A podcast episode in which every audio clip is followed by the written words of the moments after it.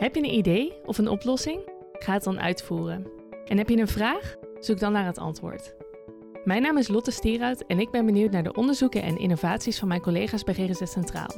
Omdat er hier veel gebeurt om problemen in de GGZ op te lossen of vernieuwingen door te voeren, daarover bestaat geen twijfel.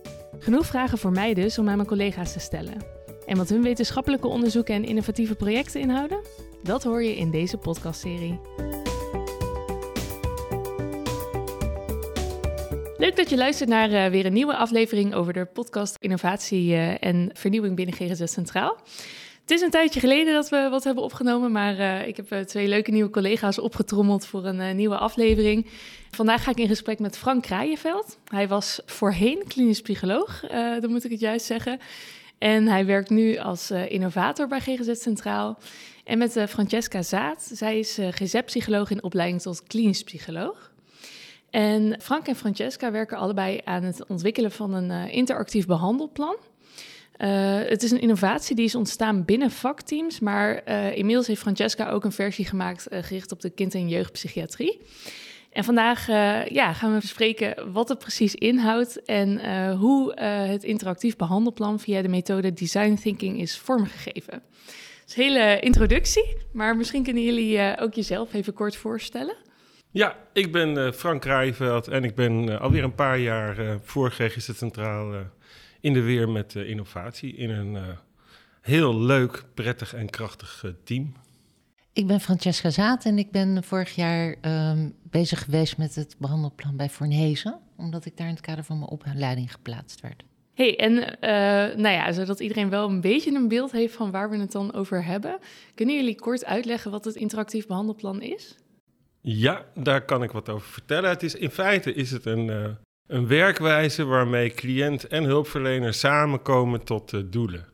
En uh, dat gaat dus voor volwassenen en kinderen en jeugd op verschillende manieren. Maar, maar het komt eigenlijk op neer dat, dat iemand, dat geldt voor de EPA-doelgroep dan, een module krijgt met informatie over verschillende onderwerpen, zelf al kan nadenken over de doelen daar dingen over gevraagd krijgt, kan invullen en, uh, en zo beter voorbereid het gesprek met de hulpverlener aan kan gaan. En een belangrijk doel is dat het, uh, de doelen ook echt van de cliënt zijn. Dat, dat die op die manier ook dat er genoeg tijd genomen wordt om te zorgen dat de therapie gaat over wat jij uh, wilt bereiken. -hmm. Maar in, in welke zin is dat dan een, een innovatie? Nou ja, grappig. Ik uh, moest uh, op weg naar deze podcast uh, nadenken over. ik denk dat het ongeveer twintig jaar geleden is. Toen werkte ik op een dagbehandeling voor jongeren. En toen, toen waren we gewend om ook samen met de jongeren en twee groepsleden. en ik geloof wel twee of drie stafleden. ook het gesprek te voeren over de behandeldoelen. En. Nou ja, dat, dat heeft zeker wel kenmerken ook van de werkwijze zoals we die nu ontwikkelen. Ging heel anders. Maar het waren wel heel ambitieus, want er moesten dan hele flitsende, pakkende zinnen uitkomen waar je dan met vijf mensen over aan het nadenken bent. Nou, als je nou nu kijkt naar wat Francesca ontwikkeld heeft, dan ziet het er heel wat prettiger en frisser en uh, haalbaarder uit dan wat wij toen probeerden in die kamertjes allemaal te doen. Ja, want eigenlijk zijn we uitgegaan van wat er voor de EPA gemaakt was. Hè? En wat jullie heel sterk hebben gedaan, is dat het in het begin belangrijk was om doelen te formuleren samen met de cliënten. Maar kind en jeugd is natuurlijk echt wel iets anders dan, dan uh, cliënten die bij een vakteam in behandeling zijn. Dus we hebben nagedacht over hoe kan je nou het beste met een cliënt die in de kind en jeugd zit in contact komen en dat gesprek aangaan. Nou, jij zei, vertel eens iets wat er uitgekomen is. Wat er uitgekomen is, is eigenlijk een, een digitaal whiteboard waar je allebei op kan werken waarbij je um, in een aantal kleurenvakken kan samenvatten waar je vandaan komt en waar je last van hebt en waar je naartoe wil. En waar er is een werkwijze bijgekomen waarbij je met de behandelaar samen, eigenlijk met metaforen en met beelden, dat whiteboard in gaat vullen. Zodat het echt van de cliënt zelf is en heel ja, gepersonaliseerd ja. Um, en actief. Want hoe zag een behandelplan er dan eerst uit? Behandelplan eerst was is nog steeds hè, in user uh, een uh, invulveld met, uh, ik denk, zeven klikken of tien ja, klikken, zoiets, Frank? zoiets. Het is eigenlijk een, een administratief onderdeel van het, het EPD, het elektronisch ja. patiëntendossier. En ook in de praktijk nogal eens een soort moedje voor hulpverleners. Dus het is heel Ja. weinig echt iets waar een, eh, een cliënt of een jongere wat mee, eh, mee kan. Ja, en dat ziet eruit dan behandeldoel en dan staat er doel 001. En dan eh, staat er eh, een, een stuk tekst achter en, en een, een tijdsvak. Een beetje in grijzig en grauwigheid. En als je nadenkt over dat cliënten zijn meisjes van 14 met zwarte nagellak of met, eh, weet je, de, met de enorme Instagram-accounts en die moeten zo textueel een beetje dat doen. Dat sluit helemaal niet aan. Nee, Nee. nee. Dat hebben we ook teruggekregen, maar daar komen we denk ik zo op. Ja, Ja. want eh, van origine is het interactief behandelplan ontstaan voor een eh, vakteam, de EPA-doelgroep. Volgens mij Ja. noemde je dat net al even Ja, kort. klopt, klopt. Dus misschien wel leuk om even te vertellen waarom we het hebben ontwikkeld. Er spelen een aantal dingen in mee. Ehm, ja, de, de- het zijn ook thema's die eigenlijk, eigenlijk best wel ouder zijn, hè, waar we in de, in de GGZ al langer proberen verbetering in eh, aan te brengen. Hè. Dus dat, een- dat het meer van de cliënt wordt, meer cliëntregie. Maar dat ook ja, in principe altijd naasten betrokken worden bij de behandeling. Daar biedt het mogelijkheden toe. Ehm, een terugkerend thema is toch ook wel dat het met name voor de, voor de vakdoelgroep... eh, dat het vaak heel lastig is om behandelingen af te ronden. En in de ontwikkeling van dit, eh, van dit interactieve behandelplan... gaven alle vakhulpverleners aan dat ze dat een superbelangrijk probleem vonden. En nou ja, dat, dat, die werkwijze maakt het ook mogelijk om het gesprek over de duur van de behandeling... al helemaal aan het begin te laten plaatsvinden. Dus dat hebben we ook opgenomen. Dus het is ook zeg maar een soort werkwijze waarmee je ja, een, een aantal wat langer lopende problemen ook kunt, eh, kunt aanpakken. Maar heeft deze doelgroep dan uiteindelijk ook zeg maar, zo'n interactief whiteboard waar het allemaal heel visueel is? Nee, Of was nee, daar dan nee. geen Daarvoor aan? is dus uh, de, daar, wat wij hebben ontwikkeld is een uh, module in uh, Carify met uh, zeg maar vier opdrachten met wat informatie, uh, een, een vragenlijst, positieve gezondheid, een manier om in kaart te brengen wie sociale netwerk vormen. En we hebben er ook iets in opgenomen, zodat één vertrouwde persoon en naaste in, van iemand dat hij ook een paar vragen krijgt. Hè? Dus dat je, dat je eigenlijk op die manier uh, al helemaal faciliteert dat er iemand ook bij betrokken wordt. En vervolgens dus ook informatie over wat het eigenlijk betekent om een, om een therapie af te ronden. Want voor de, voor de EPA-doelgroep ja, moeten we ook realistisch zijn. Het zijn toch vaak mensen die voor langere tijd in hun leven, misschien wel hun hele leven, uh, te maken hebben met bepaalde kwetsbaarheden. En in een vaktherapie kunnen ze een paar dingen goed aanpakken, zeg maar. En niet alles. En je kan, het doel kan niet zijn beter worden. Het, gaat, je, je werkt aan herstel, zodat je weer verder kunt. En dan is het vaak ook belangrijk dat je daarna je ondersteuning wat dichter bij huis uh, uh, zoekt. En um, nou ja, dat komt daar ook goed in naar voren, zeg maar. Dat je met iemand daarbij stilstaat. En voor die doelgroep is dat heel vaak toch... Het, het is wel lastig, hè, want mensen komen vaak ook ontregeld binnen. Dus het is ook wel logisch dat dat soms naar de achtergrond gaat. Maar als je het als hulpverlener laat lopen, dat gesprek over de duur van de behandeling... dan kom je aan het eind helemaal in de knup. Ja, dus maar hoe, hoe werden er dan eerst behandeldoelen gesteld voor deze doelgroep? Ik denk dat dat nogal per uh, hulpverlener verschilde. Ik denk dat voor de een het misschien niet zo belangrijk was. Of die dacht van ja, mensen zijn zo ontregeld. Dan zetten we dat weer voorop. Of dan zetten we dat weer voorop. Anderen deden het denk ik al wel meer om zelf lijn in de behandeling uh, te brengen.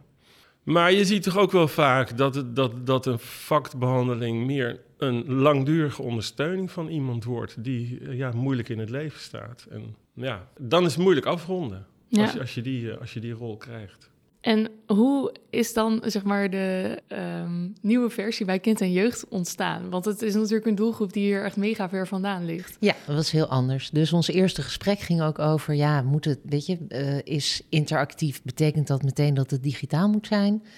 Uh, wat voor soort technologie? Maar ook, kind en jeugd is anders dan EPA. En um, wat we gedaan hebben, is het via design thinking uh, oppakken. Nou, dat, volgens mij was dat met, met het uh, behandelplan voor EPA ook. ook. Ja, ja, ja. En het idee daarin is, en dat vond ik eigenlijk heel erg leuk, was dat je um, echt ontwerpt in het proces zelf. En dus helemaal niet te veel bezig hoeft te zijn met dat je dat allemaal al uitgedacht hebt. En wat wij gedaan hebben, is we hebben um, En wat bedoel je dan? Wat, eh, wat je allemaal hebt uitgedacht? Nou, het is niet. We hebben een projectteampje gemaakt. En in plaats van dat wij in een kamer zijn gaan zitten nadenken over hoe het eruit zou moeten zien, zijn we in de kamer gaan zitten en hebben we nagedacht over hoe zorgen we dat we jongeren in de kamer krijgen om met ons na te denken over hoe het eruit moet zien. En het eh, nieuwe we- behandelplan. Het nieuwe behandelplan. En hoe zorgen we dat we daar collega's bij betrekken? Nou, dat is goed gelukt. Dus we hebben in een aantal sessies hebben we met jongeren van de schemagroep en met jongeren van de deeltijd echt gekeken naar hey, wat is nu, hoe gaat het nu? En wat vinden jullie nu een probleem? En daar zeiden ze dingen als: Ja, weet je, die behandelplannen die gaan helemaal niet over mij. Geef mij het behandelplan van mijn buurvrouw en dat is ook op mij van toepassing. Ik denk niet dat het helemaal waar was, maar dat is in ieder geval wel een beleving die heel sterk is. Dus Ja. dan heb je iemand die komt naar een groep en die denkt: Ja, wat ben ik hier eigenlijk aan het doen? Ja. En ze gaven zelf ook wel aan als probleem van ja, weet je, we zijn ook eigenlijk helemaal niet na zo'n intake hebben we geen idee hoe we dat moeten doen, onze doelen opstellen. Weet je, dan moeten we doelen opstellen voor een plan, maar hoe dan? En wat, wel, uit welke doelen mag ik kiezen? Weet je, dan ben je 15. Ehm, en met behandelaren hebben we ook gezeten van wat vinden jullie nou lastig daaraan? En zeiden ja, die communicatie. Maar ook dat cliënten, weet je, dat ik het gevoel heb dat ik heel snel moet starten. Eh, ook dat het in user zo onaantrekkelijk is. En eigenlijk hebben we de informatie van de jongeren en de behandelaren bij elkaar gebracht. En kwamen we op een aantal uitgangspunten uit. Die zij echt deelden. Namelijk, doe het nou samen. Jongeren zeiden, ken mij nou, weet je. En behandelaren zeiden, ik wil graag de cliënt kennen om het met ze te doen. Maar het moet ook een soort creatief proces zijn. En het moet er ook mooi uitzien. Ja, dat Ik kan vond ik wel- hier ja. niet zo goed uitleggen hoe dat er dan uitziet. Nee, maar wat ik heel leuk beeld. vond in, in wat jij daarover vertelde, was dat die jongeren ook zeiden van ik wil dat er in terecht komt wie ik ben en waar ik nu sta. Ja. En dat vond ik eh, eigenlijk fantastisch dat het bij die jongeren naar boven kwam, Ja. omdat dat helpt natuurlijk ook om het echt van jezelf te maken. Ja, Dat Heel vond, mooi, Dat is hè? heel leuk. Ja. ja. Dus waar het in user echt een heel intakeverhaal is en dan doelen die opgesteld worden, zeiden zij ja, weet je, loop even met me mee en help mij mijn verhaal maken. Ehm, en ze zeiden ook, ja, we willen eigenlijk een soort, soort mini-verhaal, een soort metafoor over hoe ben ik hier nou terechtgekomen? Weet je, en wat heb ik nodig? Eh, en dat vonden ze echt een centraal onderdeel daarin. Dus dat hebben we er ook in gestopt. Want hoe zagen dan de doelen voor jongeren er voorheen uit? Zeg maar, stelden de jongeren die doelen dan wel zelf? Of werd dat dan door de behandelaar gedaan? Dat is wel iets wat ze allebei wel problematisch vonden. Dus aan de ene kant zeiden jongeren van ja, weet je, het zijn de doelen van de behandelaar, stond er ook op. Maar ook ja, ik weet zelf geen doelen. En behandelaren zeiden ook, het is best wel moeilijk om met cliënten tot doelen te komen, omdat ze het niet altijd weten. Dus het- ik denk dat het verschilt. Ik denk elke behandelaar heeft behandeldoelen in zijn of haar hoofd. Ja, Eh, daar zijn ze, weet je, daar kennen ze hun vak goed genoeg voor. Maar om dat samen met een cliënt iets te maken wat de cliënt zelf in hun hoofd draagt, zeker als je 15 bent. En dat je elke keer dat je naar de sessie komt, begrijpt hoe die sessie aan jouw doel werkt. Dat was iets wat lastig was. eigenlijk ergens wel bizar dat dat, dat zo'n probleem is. Eh, want de cliënt komt natuurlijk bij jou als behandelaar met een probleem. Ja. Dus dan klinkt het soort van als buitenstaander heel makkelijk om dan te denken... oké, dan ga je daar te gaan werken. Ja, maar de switch tussen van je problemen afkomen. Weet je, ik ben vastgelopen, ik ben somber. Nou, en, en, en wat wil je dan? Ja, ik wil, ik wil niet meer somber zijn. Nou, dan moet je al een switch maken naar, ja, oké, niet meer somber zijn is goed. Maar wat zijn dan positief geformuleerde doelen? En betekent voor jou niet meer somber zijn dat je gaat basketballen? Of vind je dat verschrikkelijk? En betekent voor jou niet meer somber zijn dat je weer goed naar school kan? En hoe gaat het dan helpen dat jij hier naartoe komt en met mij gaat zitten praten over je gevoel in weer naar school gaan? Ja, Dan denkt iemand van 14 jaar, wat, wat, wat, wat wil je nou van me? Het is ook wel vaak vertaalwerk. En ik denk Ja. dat het goede is ook dat je daar ook tijd voor neemt. Van, ik heb daar last van, maar dat blijkt dan een uiting te zijn van dat je op andere terreinen niet lekker functioneert of vastloopt. Dat Ja. misschien wat meer sociaal ligt, in, in de sociale omgang met anderen of met je ouders. En dus dat het ook wel even zoeken is van waar, ja, hoe ga je nou echt profiteren van de therapie? Ja, Ja. kijk, en wij psychologen, wij weten natuurlijk wat de onderliggende psychologische mechanismen zijn die daartoe bijdragen hè, aan je probleem. Dus dan denken we van, hé, hey, als jij ehm woedeuitbarstingen hebt, dan is dat misschien omdat je niet zo goed in contact bent met hoe je je agressieregulatie opbouwt. Maar ja, dat is natuurlijk een zin waar, waar je niks mee kan. ja, Dus in dat behandelplan op die whiteboard kom je samen tot doelen vanuit een probleem. Hè? En dan kom je bij die doelen. En bij die doelen zoeken we beelden of muziek, hè, zodat het ook intuïtief is voor de jongeren. Want het moet van hen zijn. Dus het maakt ook niet uit welk beeld het is. Iemand die zei tegen mij, ja, maar stel nou dat ze een heel perfectionistisch beeld hebben. denk ik, maakt niet uit, weet je, als het maar voor hen relevant is, zodat ze het helder hebben. En dan ga je aan de slag als behandelaar, dat je uitlegt wat er nou in die behandeling is, wat er bij jou gaat veranderen, zodat je je doel bereikt. En daar moet je dan wel samen een, nou niet super gevatte zin, zoals twintig jaar geleden, Frank, maar wel samen iets over opschrijven. Ja, dat klopt. Ik denk ook, zitten nu, ik denk nu ook van waar denk ik hulpverleners ook wel mee worstelen. Is behandeldoelen die passen ook zo in een cyclus van, ja, je stelt toch doelen, dan meet je die doelen en dan op een gegeven moment weet je toch gewoon of een behandeling geslaagd is of niet. Nou, dat is zo'n vereenvoudiging van hoe de werkelijkheid uh, is dat je rondom behandeldoelen. Ja, vandaar, daarom is het denk ik zo belangrijk om dit te doen. Om te zorgen dat het in ieder geval van de cliënt wordt. Dat die cliënt er wat mee gaat doen, kan doen. En ja. ja, dan moeten wij als hulpverleners maar weer de vertaling zoeken naar anderen, bijvoorbeeld de financiers, om uit te leggen dat het echt zinvol is geweest wat er heeft plaatsgevonden. Ja. ik snap dat perspectief ook wel natuurlijk. De buitenwereld wil ook weten, wat doen jullie nou eigenlijk? Maar dat staat er ook in, hè? En ik denk dat het ook belangrijk is dat je dat. Ehm, ja, ik zit, ik zit te zoeken, maar dat je, om dat te proberen uit te leggen. Maar ik heb heel veel beelden uh, langs zien komen hè, in dit proces. Maar dat je een beeld hebt wat het echt voor jou vertegenwoordigt. Want je moet wel een moeizaam proces in. Want behandelen is natuurlijk ja, wel goed, maar niet altijd leuk. Ja, misschien kunnen we sowieso in de show notes wel een, eh, een link zetten naar een pagina uh, waar we misschien een voorbeeld kunnen plakken. Ja. Uh, zodat mensen ook een beetje een visueel idee hebben van... oké, waar hebben deze mensen het eigenlijk de hele tijd over? ja. ja, dat kan zeker. Ja. ja. Hey, en um, jullie noemden al een beetje kort aan het begin... dat het is vormgegeven via de methode design thinking.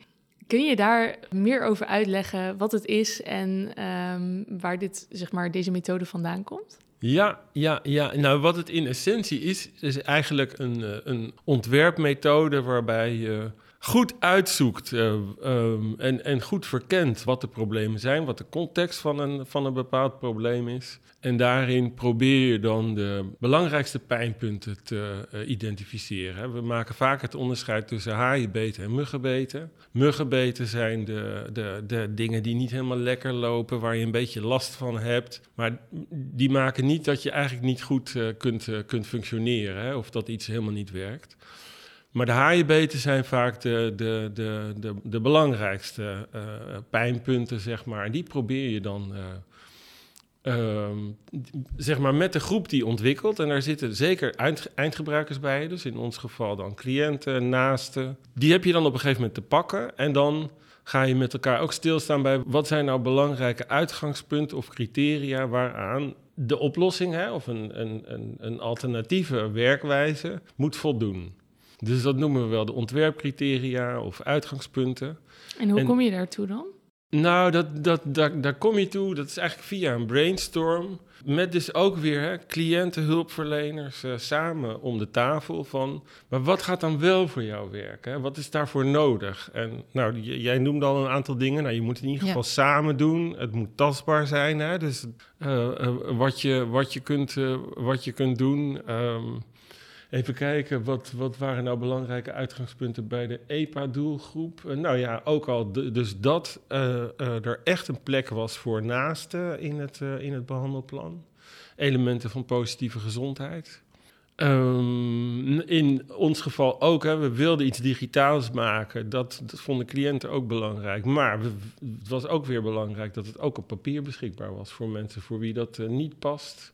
Nou, dat zijn zo voorbeelden van uitgangspunten. En dan ga je, um, nou ja, wat je binnen design thinking ook vaak doet, is uh, buiten de deur kijken. Zijn er nou ook buiten de zorg, misschien bij bedrijven of zo, zijn er nou processen te zien uh, of, of, oplossingen die bedrijven hebben gekozen uit een hele andere tak van sport, die ook kunnen werken binnen de zorg?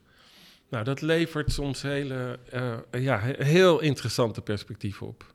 Want heb je daar een voorbeeld nou, van? Nou ja, we hebben een keer een workshop gehad van mensen van uh, Coolblue. Die keken uh, naar de wijze waarop cliënten van GGZ Centraal ontvangen werden. Ze krijgen een welkomstmodule en ze krijgen een mailtje om een account in Carify uh, aan te maken. Ze krijgen een welkomstmodule. En zij gingen daar heel precies naar kijken en zij maakten ons duidelijk van jullie sluiten helemaal niet aan bij waar, die, waar, je, waar je cliënt uh, behoefte aan heeft. Je moet in dienstschoenen gaan staan. Ze gaven allemaal kleine voorbeelden van hoe zij dat binnen Coolblue doen. En om eerlijk te zijn, wij stonden wel een beetje in ons hemd. Omdat we echt dachten van ja, wij sturen maar algemene mailtjes en zo. We houden op geen enkele manier rekening met hoe het is voor iemand uh, dat hij uh, misschien al een poosje wacht. En wat speelt er eigenlijk? Ja, welke informatie heeft hij behoefte aan? Hoe treed je iemand uh, tegemoet? Hè? Doe je dat gewoon met een module erin? Of mag iemand misschien toch ook eventjes contact leggen of een vraag ja. stellen? En dat waren inzichten uit het bedrijfsleven die jullie dan nu ook ja. weer probeerden toe te passen. En hoe zat dat bij de kinder- en jeugdpsychiatrie dan? Wij zijn vooral... Sorry, ik moest even hoesten. Um, wij zijn gaan kijken naar wat er al digitaal beschikbaar was hè, in, het, in het omgaan met, uh, met, met kind en jeugd, maar ook in het algemeen. En een van de dingen waar wij bijvoorbeeld achter kwamen, is dat er best wel veel wordt ontwikkeld, maar dat het niet doorontwikkeld wordt. Dus dat um, het ontwikkelen van een app echt een heel mooi initiatief kan zijn, maar dat je daar ook rekening mee moet houden dat je budget moet hebben, informatieruimte om die app te onderhouden, om te zorgen dat die blijft lopen. Dat soort zaken. En we zagen ook dat, um, wat we ook interessant vonden, promotieonderzoek over wat het moeilijk maakt om veranderingen te implementeren bij behandelaren qua digitale zaken. Dus in die zin hebben wij een soort verkenning gedaan, waardoor we dachten, het hoeft misschien niet heel high-tech. En dat was ook interessant. We zaten met de, met de jongeren bij elkaar. En dan zit je met vier, uh, dit waren meiden van een jaar of 17, 18. En die zeiden, ja, weet je, hoeft niet high-tech. Mag gewoon, weet je, via de laptop, hoeft geen app, hoeft niet heel ingewikkeld als ik er maar bij kan. Ik kan me voorstellen dat je dan bijna verbaasd was dat dan jongeren zeiden: het hoeft niet zo high-tech. Ik vond dat wel leuk, ja. Zij waren echt meer terug naar de inhoud nog dan wij. Hè. Wij hadden een soort beeld van een dansende hologram op tafel. Hè. Dat een kabouter dan zo aan het eind van de... als je s'avonds gegeten had, op tafel zou komen... en aan jou zou vragen... hoe zit het met je behandeldoelen vandaag, Lot? Ja. dat is echt toekomstmuziek. Maar dit was wel dat zij zeiden: ja, maar het gaat er gewoon om dat je me betrekt. En het maakt eigenlijk niet zo uit. Het mag op papier, weet je. Het is fijn als het, uh, als het een format heeft wat ik prettig vind. Maar ik moet er vooral bij kunnen. Heel basaal eigenlijk gewoon. Gewoon echt terug naar de inhoud. Ja, en wat Frank zo mooi zei: niet alleen doelen, weet je. Maar gewoon waar ben ik? Hoe kom ik hier? Waar wil ik naartoe? En dan doelen. Ja, en waren de naasten dan ook mee aan het brainstormen? Of uh, echt alleen de cliënten en de behandelaren? En we hebben wel wat naasten gevraagd. Die waren niet bij de brainstorm aanwezig. Nee, nee. Idealiter is dat wel zo. Ja. ja dus ik kan me ook nog wel voorstellen dat het lastig is om cliënten of naasten te vinden om daaraan mee te doen. Wij hebben wel één vader die meegedaan heeft. Ah, uh, okay. aan, we hadden op een gegeven moment, als je die brainstorm sessies, dan heb je, we hadden eerst echt een klaagsessie, noemden we ook.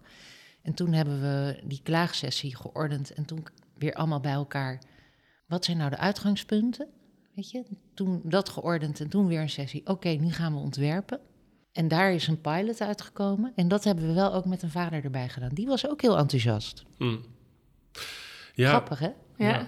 Ja, Ja. Wat, wat we wel zien, want het klopt wat jij zegt, dat het niet, eh, niet zo eenvoudig is om, eh, aan cliënten, om de cliënten te vinden, zeg maar, die willen meewerken. Ja, of Ik- familie. Ja. of familie. En, en omdat wij denken dat dit gaat alleen maar toenemen, juist dat samen met cliënten ontwikkelen. Eh, wat goed is voor iedereen om te weten, is dat cliënten het bijna altijd super leuk vinden om mee Ja. te doen. En dat ze juist het gevoel krijgen, ik kan ergens aan bijdragen. Dus we hebben nogal eens gemerkt dat het ze eh, echt positieve ervaringen geeft. En wij denken soms wel eens van, misschien zijn hulpverleners bang dat ze cliënten ergens mee lastigvallen. Hè, als ze dat vragen, zou je met iets mee willen doen, want ze hebben ook al hun problemen. Maar dan willen wij vooral zeggen van, nou, maar bedenk dat ze misschien juist wel een hele positieve ervaring krijgen. En, en we hebben ze heel erg nodig, want eh, als je denkt aan de toekomst van de GGZ, cliënten zijn heel hard nodig om mee te denken over ja, hoe, hoe het beter kan. ja, uiteindelijk gaat het om hen natuurlijk. Natuurlijk, ja. Ja. En misschien ook nog leuk om te vertellen is dat wij hebben ook Mind eh, betrokken. Dus ervaringsdeskundigen. En die zijn weer heel zuiver op taal.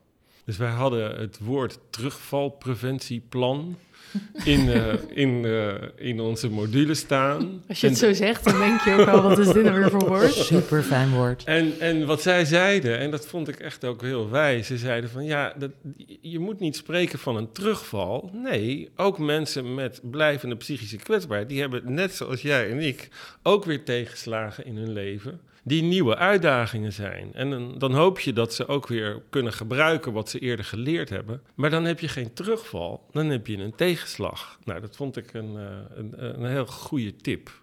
Ja. Zo helpen ze ook weer om de taal ook zuiver uh, te maken. Had je dat soort inzichten ook binnen de kind- en jeugdpsychiatrie? Op taal? Ja?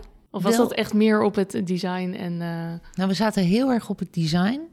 En um, ik zit nu te denken dat ik die jongeren uit de schemagroep die zeiden: Ja, het maakt eigenlijk niet zoveel uit hoe je het noemt, weet je, als je me maar betrekt. We hebben wel in onze feedback teruggekregen dat we hadden doelen in categorieën ingedeeld. En toen hadden we uh, kwaliteit van leven als doel. En toen kregen we ook van een behandelaar terug: Ja, een kind van 14, kwaliteit van leven, dat is een beetje raar. Dus dat gaan we nog aanpassen, oh ja. zodat het ook wel meer aansluit, echt bij wat je doet. Dus zelfs als je in een proces bent waarbij je de hele tijd bezig bent met aansluiten, merk je gewoon dat je je eigen taal hanteert. En dat het echt belangrijk is om dat echt door de cliënten laten, laten invullen. Bijna een beetje jargon uh, vermijden. Ja, ja je, dat is echt een risico. Dat is echt een risico. Ja, enorm. Ja. Hey, en uh, dus leuke design sessies gehad en ja, uh, veel inzichten. En toen kwamen jullie dus tot het interactief behandelplan, waarvan ik inmiddels al door heb dat hij hier bij EPA-patiënten erg anders uitziet dan bij uh, de kind- en jeugddoelgroep. Het is natuurlijk al een beetje beschreven, maar uh, ja, kun je nog een keertje uitleggen hoe het eruit ziet uh, en wat het doet? Nou ja, wat, wat ik dus, dus voor de EPA-patiënten is het een voorbereidende module hè, voor het opstellen van de, van de doelen Um, voor hulpverleners zit er een handleiding bij met wat tips voor hoe je het uh, presenteert. Hè. Blijkt ook wel belangrijk te zijn hoe je je cliënt meeneemt. Hè. We hebben ook wel eens gehoord van iemand die zei: Ja, waarschijnlijk had ik niet de goede cliënten of zo. Of, want ik kreeg het niet zo goed uh, aan, de, aan de man uh, gebracht. Maar dan later bleek toch dat het alles te maken had met dat je, hoe je dat dan presenteert. En er zijn ook weer mensen die krijgen het bij iedereen voor elkaar, zeg maar. Dus dat zijn ook goede dingen om, om mee te nemen. Hè. Dus het implementeren van zo'n nieuwe werkwijze, dat, vergt, dat vraagt ook echt aandacht ja. en begeleiding. Uh, ja, maar dus het is een voorbereidende module en die krijgt een cliënt na de intake. En uh, uh, daar kan hij dan mee aan de slag, krijgt hij informatie mee, gaat hij invullen. En je kunt het ook uh, samen doen. Dus dat de hulpverlener eigenlijk aansluit als iemand het nog lastig vindt. En het kan zijn dat iemand zo uh, binnen de EPA-doelgroep zo ontregeld is dat het nog te veel gevraagd is. Ja, neem er dan gewoon meer tijd voor. Maar zorg wel dat je dat proces wel door kunt zetten met iemand. Want anders, ja, dan krijgt hij die, die grip niet op, op zijn eigen herstel. Dat, dat, ik denk dat dat ja. super belangrijk is. Dus ook al is het moeilijk, er is soms een neiging om, om, om te denken van dat kan helemaal niet bij mijn patiënt of bij een deel van mijn patiënten. Maar we zouden liever anders omdenken van nou, elke cliënt of patiënt die heeft die grip uh, nodig. Ja. Dus, dus al, al doe je er anderhalf jaar over, maar kijk wel of je, of je daar kunt komen met elkaar. Mooi gezegd, ja. ja. Ik moet weer hoesten. uh, wij, bij ons is het echt een interactief whiteboard. Dus je ziet gewoon op je scherm zie je een whiteboard. En in die whiteboard zijn gewoon kleurige post-its... waarop je dingen kan schrijven. En is er ruimte om plaatjes te plakken of uh, uh, andere dingen te uploaden. En het idee is dat, dat je dat samen met een cliënt in kan vullen. Uh, er zit een instructie bij van ik denk een A4'tje. We hebben een filmpje gemaakt van drie minuten met instructie, want zo eenvoudig is het eigenlijk. En uh, we hebben ook nog twee A4'tjes metaforen erbij gedaan voor als je het moeilijk vindt om samen een metafoor te verzinnen uh, over waar je vandaan komt, waar je mee worstelt. Maar ik ken eigenlijk geen behandelaar die dat niet doet. Want wat bedoel je met een, een metafoor dan? Nou, een, meta een, van de metaforen was dat een cliënt, uh, een, een van de jongeren zei van ja, mijn behandelaar die zei het is eigenlijk een beetje alsof je je innerlijk kompasstuk is. Hè? Dat je niet zo goed weet waar je op moet varen. En we gaan gewoon dat kompas met je eiken. Een andere metafoor is, ja, je, hebt een bootje, weet je, maar je, je, je zeilen fladderen een beetje. En we hebben dus ook metaforen bedacht over als je angstig bent, dat je misschien als een schildpad in je schild zit. Het hoeven niet hele complexe dingen te zijn. En dat zijn dan dingen die op het uh, bord staan en waar dan concrete doelen uh, bij staan van hoe kan je als schildpad weer uit je schulp. Ja. Om maar in de metafoor te blijven. Precies. En dat helpt gewoon, omdat een, een, dan weet je waar je mee bezig bent. Als je naar een sessie toe gaat ja. en je moet opeens oefenen met andere mensen vragen stellen, dan denk je, waar gaat dit over? Oh ja, dit gaat mij helpen om contact met mensen te leggen, zodat ik me minder eenzaam voel. En dan kom ik uit mijn schulp. En hoe wordt het nu gebruikt? Je, zeg maar, Frank, jij noemde natuurlijk al dat het binnen de EPA-doelgroep uh, soms een beetje zoeken is. Maar hoe gaat dat bij de kind en jeugd? Is het in de praktijk uh, veel gebruikt? Nou, we zijn net, hebben net de pilots afgerond. En uh, daar hebben we dus ook goede feedback gekregen, wat ik zei over taal. Van, waar we wat aanpassingen in willen doen. En ook feedback dat mensen echt enthousiast zijn. Dus we willen hem graag gaan doorontwikkelen. En wordt die dan nu nog door collega's gebruikt in de praktijk? Of is het echt een select groepje dat de pilot doet en het moet nog uitgerold worden? Nou, we zitten precies op de grens. Want ik heb aansluitend aan deze podcast uh, de presentatie voor de directie. Om ze te vertellen hoe het zit. En dan gaan we ook uh, zeggen dat het er klaar voor is om eigenlijk op meerdere plekken te gebruikt te gaan worden. Oké. Maar ik kan nog niet zeggen dat dat besloten is. Nee, precies. Maar het zit er aan te niet komen. over. Ja, ja. ja, dat zit er aan te komen. Er staat ook al iemand klaar. Toch een collega van jou die dat graag, die graag het stokje overneemt en uh, ermee aan de slag wil. Dus. Ja, dus, ah, dus het, uh, het krijgt een vervolg. Ja. Ja, heel leuk. Hey, dank jullie wel voor jullie uh, verhaal en voor het delen daarvan.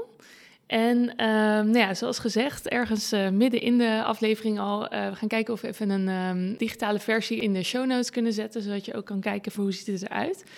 Um, als mensen nog meer informatie zouden willen over het interactief behandelplan en het toepassen daarvan in een team, waar zouden ze dan terecht kunnen? Nou, dan kunnen ze zeker bij mij terecht. Ze kunnen mij een mailtje sturen. Bij mij ook. Ja. Leuk, graag zelfs. Ja. ja. Nou, fantastisch. Ja. Hartstikke bedankt. Jij ook bedankt.